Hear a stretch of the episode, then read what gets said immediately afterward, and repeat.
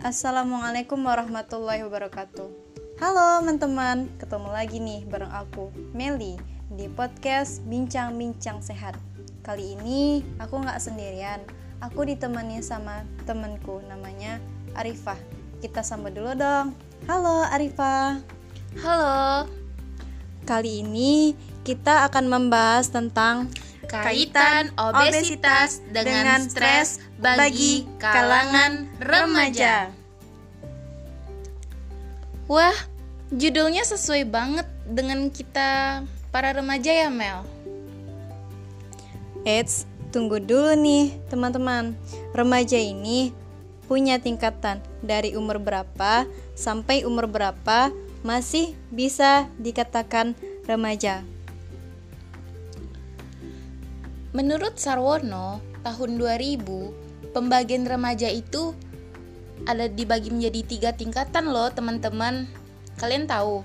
Yang pertama, remaja awal, yang mana umurnya itu 12 sampai 15 tahun. Yang kedua, remaja tengah, yang umurnya 15 sampai 18 tahun. Yang ketiga, remaja terakhir, yang umurnya 18 sampai 21 tahun. Semakin jelas ya, teman-teman. Kalau aku sama Arifah sih masih bisa dikatakan remaja.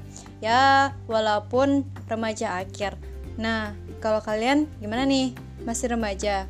Remaja awal, tengah, akhir, atau udah memasuki fase dewasa?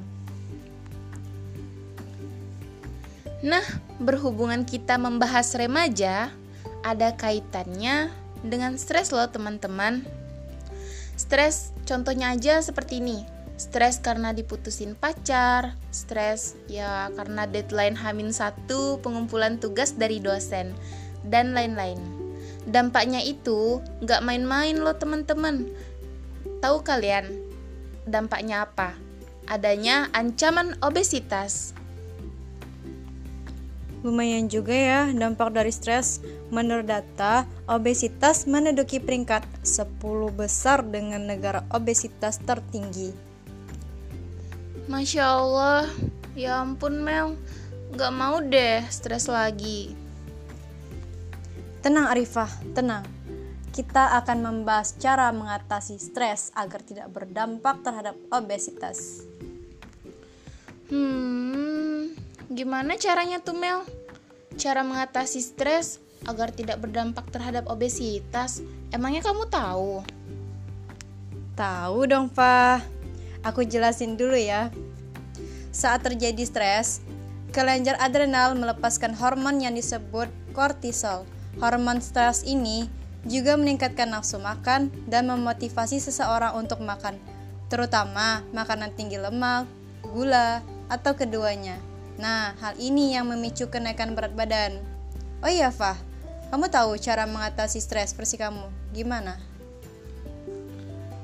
Cara mengatasi stres versi aku ya, Mel. Hmm, oke. Okay. Baik, aku sharing-sharing dulu ya. Cara mengatasi stres versi aku itu yang pertama, bicarakan keluhan dengan seseorang yang dapat dipercayai. Kedua, melakukan kegiatan yang sesuai dengan minat dan kemampuan. Yang ketiga, Kembangkan hobi yang bermanfaat. Yang keempat, harus selalu berpikir positif. 5. Tenangkan pikiran dengan relaksasi. 6. Olahraga di sela-sela kegiatan padat dan berkesibukan.